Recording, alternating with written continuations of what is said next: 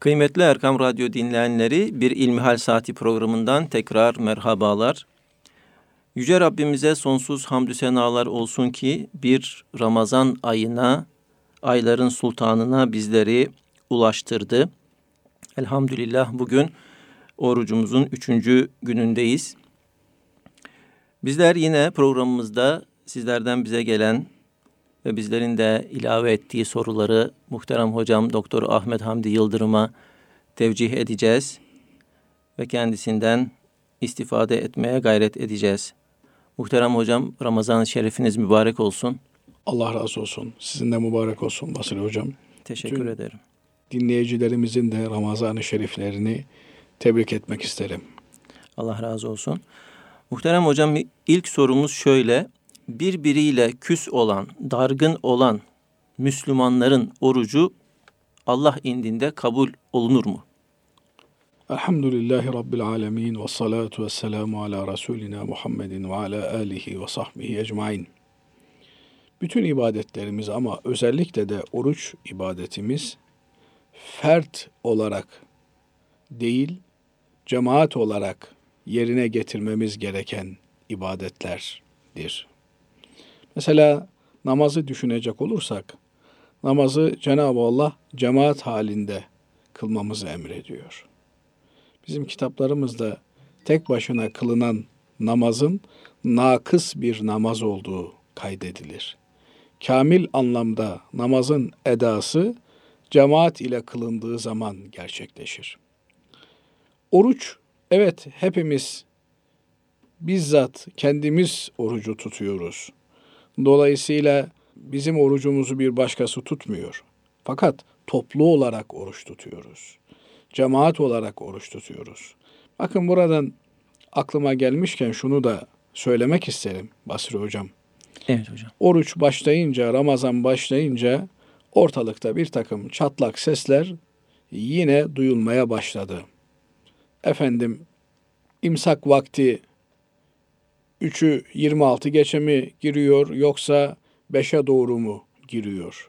Evet. Efendim siyah iplik beyaz iplikten ayrılıncaya kadar yiyiniz içiniz. Ama ne zaman siyah ipliğin beyaz iplikten ayrıldığını görürseniz o zaman yemeği içmeyi bırakınız. Malindeki ayeti kerimeye dayanarak, istinad ederek buradaki beyaz iplik ve siyah ipliğin ancak saat 5'e doğru ayrıştığını, buna göre de beşe kadar yemenin, içmenin mümkün olduğunu söyleyen bir takım çatlak sesler ortalıkta yine dolaşmaya başladı. Ama Hz. Peygamber aleyhissalatu vesselam Efendimiz özellikle de bu oruç için ve orucun peşinden yaptığımız bayram için, Ramazan bayramı için ve de kurban bayramı için çok açık ve net bir ifade kullanıyor. Öyle bir köyde, bir mahallede, bir şehirde, bir ülkede, efendim ne bileyim bir ev halkının içerisinde biri saat 2'de imsak yapar, biri saat 3'te imsak, biri saat 5'te imsak yapar. Kiminin akşamı saat 8'de olur, kimininki 9'da olur, kimininki 8.30'da olur. Bunların bütün hepsinin önünü kesmek adına Bunların hepsini sonlandırmak adına Hz. Peygamber aleyhissalatu vesselam Efendimiz buyuruyor ki Savmukum yevme tasumun ve fıtrukum yevme tuftirun ve udhiyetukum yevme tudahhun Orucunuz oruç tuttuğunuz gündür. Ramazan bayramınız bayram yaptığınız gündür. Kurban bayramınız kurban kestiğiniz gündür buyuruyor. Yani toplu olarak bütün fertleriyle, bütün hane halkıyla, bütün ülke vatandaşları olarak hangi gün oruca başlarsanız o gün sizin orucunuz başlar. O günün hangi saatinde toplu olarak oruca başlıyorsanız o gün o saatte sizin orucunuz başlar ve hangi saatte toplu olarak iftar yapıyorsanız o saatte iftar yaparsınız.'' Efendimiz Aleyhisselatü Vesselam'ın talimatı budur. Şimdi ben bilimsel bir takım konulara girerek değerli dinleyicilerimizin zihnini bulandırmak ve karıştırmak istemiyorum. Ama şunu net ve açık bir şekilde ifade etmek istiyorum. Yanlış olsun doğru olsun. Ki bilimsel olarak Diyanetimizin yaptığı doğrudur. Bu mesele bir takım kimselerin halk fazla oruç tutsunlar diye ortaya attığı bir mesele değildir. Neyse doğru olan onu yapmakla mükellefiz ve Diyanetimiz de elhamdülillah bu noktada çok titiz bir şekilde çalışıyor.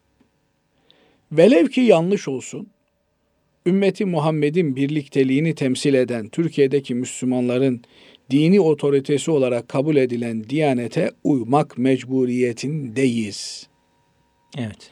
Eğer otorite olmaktan çıkartırsak bu müesseseyi o zaman bir evin içerisinde bile aynı evde oruca kalkan, sahur yapan insanların farklı farklı saatlerde sahur yaptığını, farklı farklı saatlerde iftar yaptıklarını görürüz. Allah muhafaza etsin. Allah korusun. Evet. Dolayısıyla bu noktada bir takım dış mihraklardan beslenerek dış ülkelerin hesaplarını memleketimize taşımak suretiyle kendilerine özel takvim icat edenler, farklı imsak ve sahur saatleri ortaya koyanlar yaptıkları işin yanlış olduğunu inşallah idrak ederler ve eğer maksatları din ve diyanetse Cenab-ı Allah bu ümmetin birliğini ve dirliğini murad etmiştir.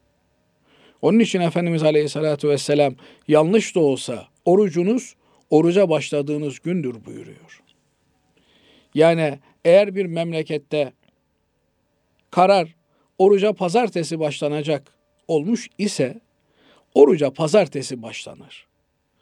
Efendim ben gözümle gördüm. Hilal geldi bana selam verdi. Pazar günü oruca başlayacağız. Hayır başlayamaz. Niye? Oruç içtimai ibadetlerimizden bir tanesidir. Bu ibadeti ferdileştirmeye kimsenin hakkı yok. Dolayısıyla bu tür sı çatışmaların ve tartışmaların içerisine girmenin çok yanlış olduğunu söylemek istiyorum. Bu noktada değerli dinleyicilerimizin, Diyanetimizin takvimi ne diyorsa gönül rahatlığıyla ona uymalarını tavsiye ediyorum. Bu noktadan hareketle oruç içtimai bir ibadet, toplumsal bir ibadet demiş iken orucu evet herkes bizzat kendi tutuyor. Kimseye oruç tutturma diye bir lüksümüz yok. Fakat orucun en temel hikmetlerinden bir tanesi aç ve susuz kalmak suretiyle belki şehevi arzularımızdan uzak kalmak suretiyle de açların, susuzların ve toplumdaki bekarların haliyle hallenmektir. Binaenaleyh toplumdaki fakirliği ortadan kaldırmak için, yoksulluğu, açlığı sonlandırabilmek için çalışmak gerekir. Bu da yine toplumsal bir gayret ister. Bunun da yolu Müslümanların bir ve beraber olmalarından geçer. Ayrı ayrı olan, bölük pörçük olan, parçalanmış bir vaziyette bulunan Müslümanlar kendilerine faydaları yok ki başkalarına faydası olsun. Mamafi bu hikmetlerin yanı sıra Hz. Peygamber aleyhissalatu vesselam Efendimizin bir hadisi şerifleri var.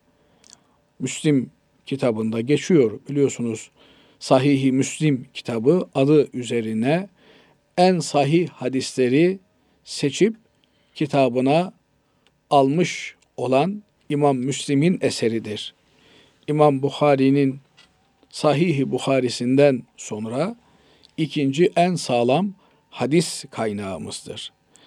Bu hadis kaynağında Ebu Hureyre Hazretlerinden rivayet edilen bir hadisi şerifte Efendimiz Aleyhisselatü Vesselam'ın şöyle buyurulduğu naklediliyor. Buyuruyor ki Efendimiz, ameller her perşembe ve pazartesi Cenab-ı Allah'a arz edilir.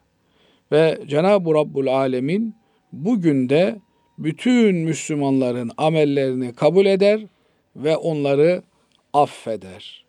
Ancak eğer Allah'a herhangi bir şirk şeyi şirk koşmuş olan biri varsa veya kardeşiyle arasında bir tatsızlık olan kimse varsa efendim küs iseler bunların amelleri kabul olunmaz. Cenab-ı Rabbul Alemin bu iki kişiyi sona bırakın der. Birbiriyle kavgalı olan, birbiriyle küs olan, konuşmayan, dargın olan, eften püften sebeplerle, dünyalık meseleler yüzünden. Efendim, onunla konuşmuş da benimle konuşmamış, onu davet etmiş de beni davet etmemiş, öyle olmuş da böyle olmuş da bilmem ne. Bundan sebep eften püften incir çekirdeğini doldurmayacak sebeplerden dolayı küs olmuş iki kişi müstesna bırakılır. Onların amelleri kabul olunmaz. Dolayısıyla oruç ibadeti ki en zorlanarak yerine getirdiğimiz ibadetlerden bir tanesi belki de meşakkatli bir ibadet. Evet. Hele de uzun günler boyu tutulduğu zaman ciddi bir meşakkat söz konusu. Belli bir yaştan sonra bir takım hastalıklar da beraber seyredince haliyle daha da zorlaşmış oluyor. Bin bir meşakkatte tuttuğumuz orucun sevabını işte Ahmet Bey ile küs olduğum için, Hasan Bey ile küs olduğum için alamıyorum. Değer mi? Değmez. Değmez. Dolayısıyla bu mübarek Ramazan-ı Şerif hürmetine bütün küslükleri, dargınlıkları sonlandırmak gerekiyor. Aksine bu dargınlıkları daha ileri muhabbetlere götürmek gerekiyor ki aradaki dargın günlerin telafisi oluşmuş olsun diye. Bakın hazır yeri gelmişken Efendimiz Aleyhisselatü Vesselam'dan İbn Abbas Hazretlerinin radıyallahu teala anhuma'nın rivayet ettiği bir başka hadisi şerif var. Efendimiz buyuruyor ki üç grup insan var diyor. Bunların ibadetleri, namazları başlarından yukarıya bir karış yükselmez. Biliyorsunuz kabul olunan ibadet arş-ı alaya çıkar. Evet. Cenab-ı Allah'ın huzuruna arz edilir. Ama üç grup insan var ki bunların amelleri başlarından bir karış yukarıya çıkmaz. Kimdir bunlar? Biri diyor ki hadisi şerifin zikrettiği bu üç kesimden bir tanesi bir zat ki kendisini sevmeyen, kendisinden nefret eden bir kavme imamlık yapıyor diyor. Bu hem cami imamlarımız için geçerli hem de büyük imam dediğimiz devlet başkanları için geçerli. Yani camide cemaatin memnun olmadığı, hoşnut olmadığı bir kişinin ısrarla orada imamlık yapması doğru bir şey değil. Bu yönüyle imamlarımızın camilerimize emanet ettiğimiz görevlilerimizin cemaatle iyi geçinmeleri, cemaate kendilerini sevdirmeleri gerekiyor. Genel anlamda da bütün idarecilerin idaresi altında bulunanlarla iyi geçinmesi, onlara kendisini sevdirmesi gerekiyor. Eğer bir kimse imamlık yaptığı cemaati tarafından sevilmiyorsa onun yaptığı ameller başından yukarıya bir karış bile yükselmez. İkinci bir grup ise bu da eşi kendisine kızgın olarak geceleyen kadındır. Olmuştur. Aile hali, evlilik hali, bir kavga gürültü olmuştur ama o geceyi küs olarak geçirmesi doğru değildir. Burada da sorumluluk kadının üzerine düşmektedir. Kadın alttan girecek, üstten çıkacak, beyini, efendisini, kocasını memnun edecek. Eğer memnun etmez ve kocası dargın olarak o geceyi geçirirlerse o gece kadının yaptığı ibadetler başından yukarı bir karış yükselmez.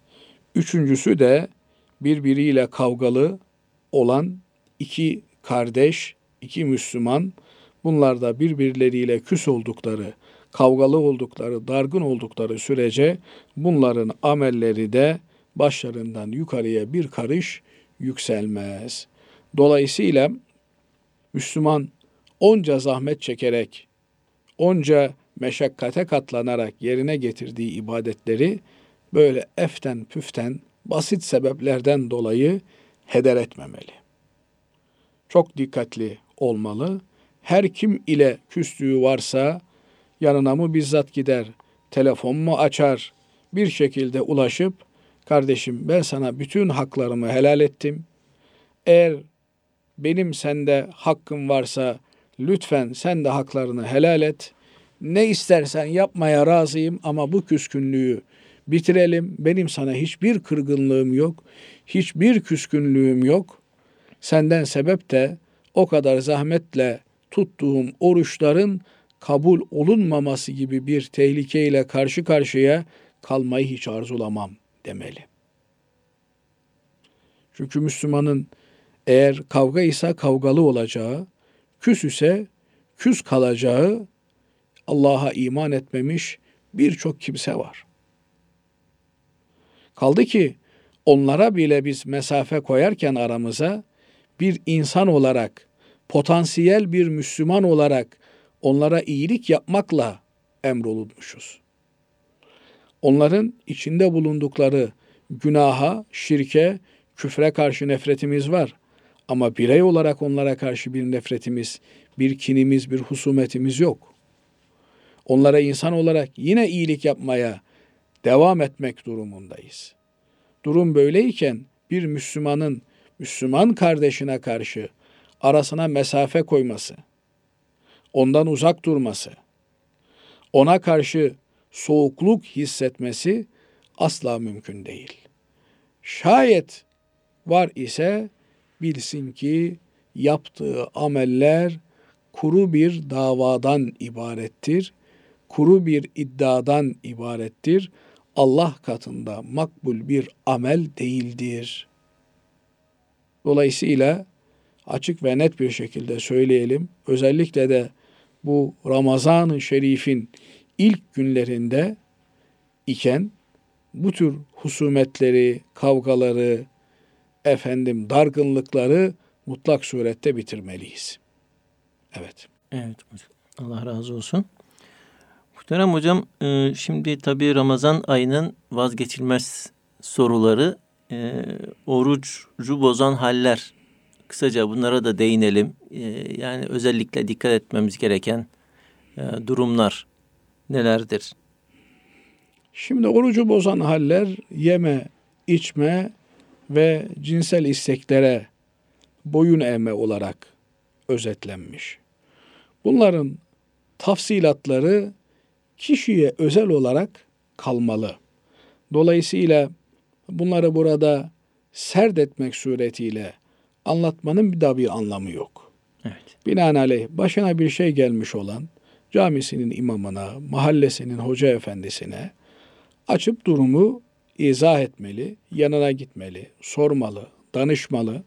Bu aynı zamanda bizimle imamlarımızın, kanaat önderlerimizin, hocalarımızın arasını güçlendirmeye de vesile olacaktır. Fakat eğer oruca başlamış olan bir Müslüman şiddetli bir baş ağrısıyla kırılıyor ise efendim ne bileyim başı dönüyor, dengesi bozulmuş ise bu gibi durumlarda vücudu riske etmenin de bir anlamı yok. Bu gibi durumlarda ilacını alır, o günü gününe gün olarak kaza eder. Dolayısıyla özellikle de kronik hastalığı bulunan kardeşlerimizin bu noktalarda elbette oruç hassasiyeti çok önemli bir hassasiyet. Oruç çok önemli ibadetlerimizden bir tanesi. Oruca başladı, çok amansız bir migren tuttu. Elbette iğnesini yaptırır. Ondan sonra da oruçlu olarak devam eder. Fakat gününe gün onu kaza eder. Böylelikle orucun, Ramazan orucunun faziletini de inşallah kaybetmemiş olur. Bize ulaşan bir soruyu muhterem hocama sormak istiyorum. Mesleği gereği sürekli olarak yolculuk yapan kişi oruç ibadetini nasıl yerine getirebilir? Evet, bazı meslekler özellikle de günümüzde şehirler arası yolculuk yapmayı gerektiriyor. Efendim, tır şoförü veya kamyon şoförü veya otobüs şoförü e, İstanbul'dan Ankara'ya sürekli bir şekilde yolcu taşıyor. Bu orucunu nasıl tutacak? Burada tabi e, seferilik meselesine müracaat etmemiz gerekiyor. Bu namazla aynı zamanda alakalı bir durum. Biliyorsunuz yolcu olan kimsenin namazları dört olan namazları iki kılma mecburiyeti var. Ama oruçla ilgili böyle bir mecburiyet yok. Oruçta orucu seferi olan, yolcu olan kimsenin tutmaması bir ruhsat. Dolayısıyla e, ben bir zorluk hissetmiyorum, bir darlanma hissetmiyorum diye düşünüyorsa orucunu tutması daha faziletlidir. Evet. Fakat eğer e, zorlandığını, darlandığını hissediyorsa bir kimse o zaman orucunu tutmaya bilir. Buna ruhsatı ayeti kerime net bir şekilde vermektedir. Şimdi İstanbul'da evi bulunan, daimi ikameti İstanbul'da bulunan bir kimse her gün Ankara'ya gidiyor veya işte e, gün aşırı Ankara'ya yolculuk yapıyor, otobüs götürüyor, kamyon götürüyor neyse. Bu kimsenin namazları nasıl olacak? İstanbul'da daimi ikametinde bulunduğu sürece namazlarını dört kılacak. Ama yolcu olduğu süre içerisinde veya Ankara'da 15 günden az kaldığı süre içerisinde dört rekatlı namazlarını iki rekat olarak kılacak. Haliyle günlük gidip geldiği için de 15 günden fazla kalmak gibi bir durum söz konusu değil Evet. bu kimse için. Binaenaleyh aynı şekilde eğer yolculuk esnasında bir zorlanma hissediyorsa orucunu tutmayacak. Daha sonra mukim olduğu günlerde yani yolcu olmadığı zamanlarda o günlerini kaza edecek.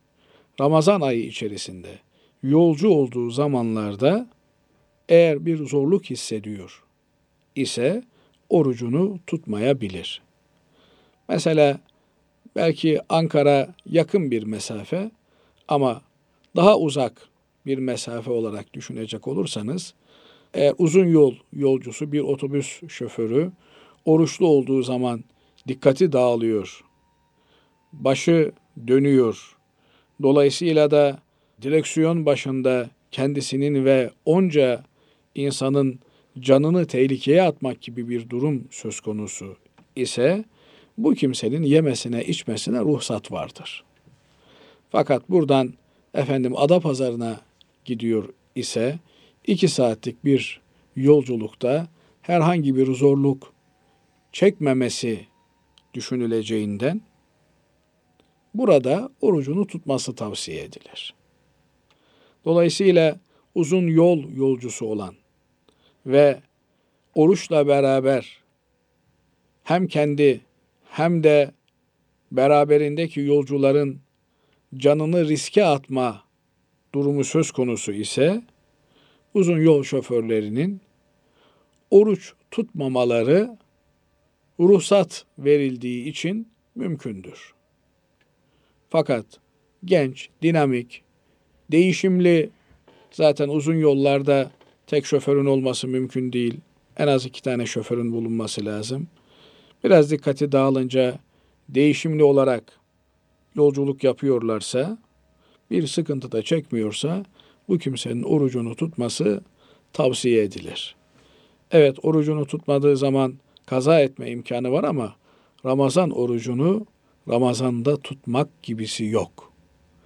Başta da dediğimiz gibi yani Ramazan orucu toplumsal bir ibadet, içtimai bir ibadet. Sen Ramazan dışında tuttuğunda sadece kendin oruç tutarsın. Ama Ramazan'da Evet. bütün ümmeti Muhammed'le beraber oruç tutuyorsun. O sevinci paylaşıyor. O sevinci paylaşıyorsun, o enerjiyi paylaşıyorsun. O atmosferi, o iklimi yaşıyorsun. Dolayısıyla bu çok önemli bir mesele. Evet. Evet muhterem hocam. Biz orucu bozan halleri sorduk ama şöyle bir sorumuz e, bize ulaşmış. Soru bize ulaşmış. Kusmakla oruç bozulur mu? Şimdi kusmayı ikiye ayırmış alimlerimiz. Bir, istek dışı kusma. Yani mideniz bulanmış, midenizi üşütmüşsünüz. Bir hastalıktan dolayı istemediğiniz halde kusuyorsunuz. Evet. Bir de isteyerek bir insanın kendini kusturması. İstek dışı olan, istemeden kusmalar orucu bozmaz. Çünkü sizin elinizde değil. Evet. Hasta olmuşsunuz, midenizi üşütmüşsünüz, mideniz bulanmış. Kusuyorsunuz. Bu orucu bozmaz. Fakat eğer bizzat kusmak için bir gayret gösterir, efendim ne bileyim boğazınıza parmak atar, bir takım hareketlerle kendinizi kusturmaya çalışırsanız, o zaman ağız dolusu olan kusma orucu bozar. Kendi iradeniz ve isteğiniz ile böyle bir kusmaya teşebbüs ettiğiniz için bunun da sebebi ağza gelen o kusmuktan geri dönüşün mümkün olduğundan dolayıdır. Ama az bir şey ağzınıza gelmiş, onu tükürürsünüz, ağzınızı çalkalarsınız. Onunla orucunuz bozulmaz. Haliyle bir Müslüman durduk yere Ramazan orucu tutarken zorla kendini kusturmaya çalışmayacağı için tabii olan bir illete, bir hastalığa bağlı olan kusmalar orucu bozmaz. Evet. Diğer bir sorumuz şöyle.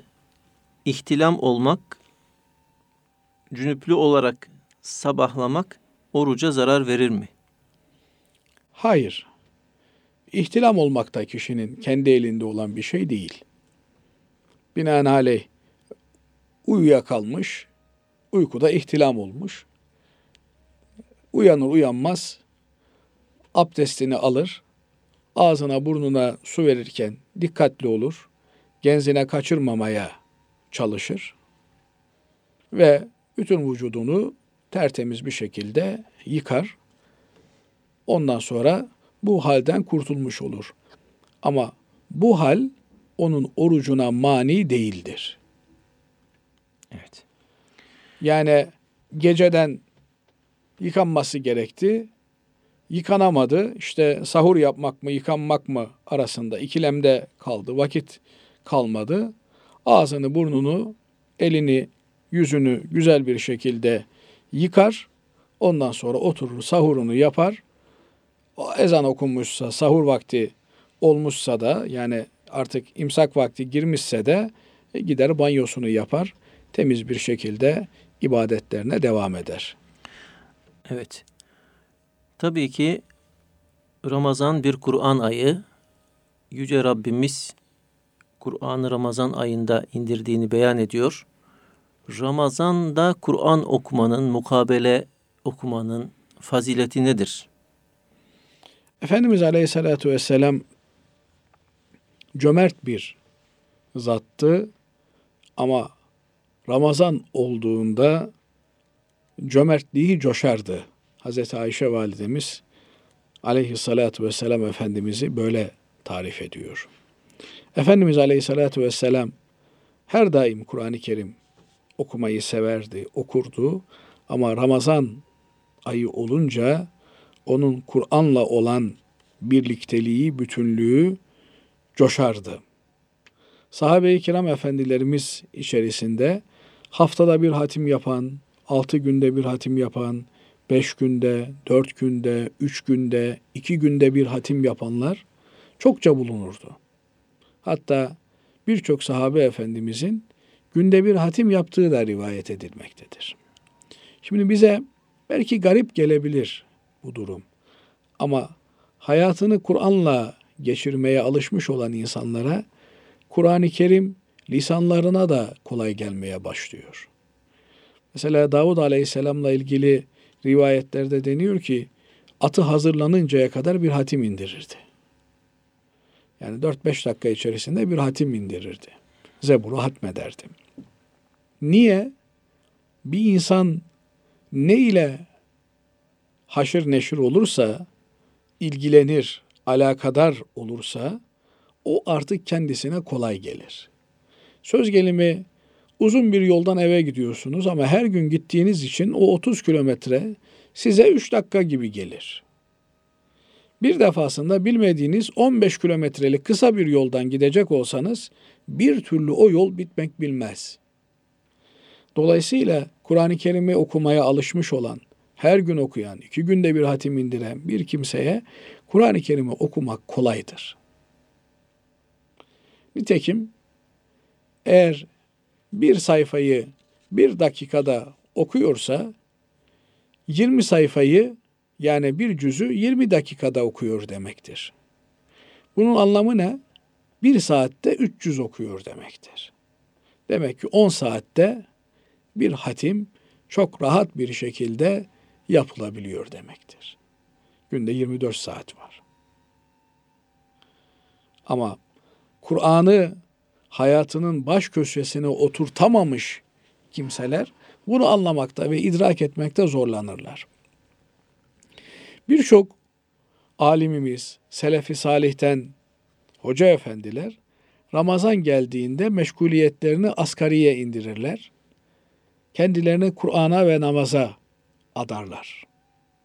Çünkü Ramazanla Kur'an bir şeyin iki yüzü gibidir. Kur'an'ın Ramazan-ı Şerif ayında inmiş olması Kur'an'la Ramazan bütünlüğünü ortaya çıkartmıştır. Dolayısıyla Ramazan'ı hem fiziken yeme ve içme, şehevi uz- duygulardan uzak olarak geçirme mecburiyetimiz var. Hem de ruhen Ramazan'ın atmosferinden gıdalanma durumumuz var. O da Kur'an-ı Kerim'i bol bol okuyarak gerçekleşiyor. Efendimiz Aleyhisselatü Vesselam Ramazan-ı Şerif olduğunda Cebrail Aleyhisselam'la mukabele yaparlardı. Vefat edecekleri sene iki defa bu mukabeleyi yapmışlar. Dolayısıyla Ramazan-ı Şerif ayında hem Kur'an-ı Kerim'i okumak hem de okuyandan dinlemek gibi bir sünnet Efendimiz Aleyhisselatü Vesselam bize bırakmış oluyor. Dolayısıyla ben zaten okuyorum diyerek de bırakmamak lazım. Yani en azından bir kimsenin mukabelesini dinlemek lazım. Bu yönüyle de elhamdülillah Ramazan ayı camilerimizde bereketli geçen bir ay. Hemen hemen her camimizde mukabele okunmakta. Bazı camilerimizde 2-3 mukabele okunmakta. Mutlak surette bunlardan hangisi bizim günlük çalışma saatlerimize uygun düşüyor ise bir hatim takip etmek gerekir bu sünneti ihya etmek açısından. Elbette hiç olmazsa hiç olmazsa Ramazan-ı Şerif'te bir hatim de indirmek gerekir, önemlidir. Cenab-ı Allah Ramazan-ı Şerifimizi böyle hatimlerle, teravihlerle, namazlarla dolu dolu geçirmeyi nasip ve müyesser etsin inşallah. Amin diyoruz muhterem hocam.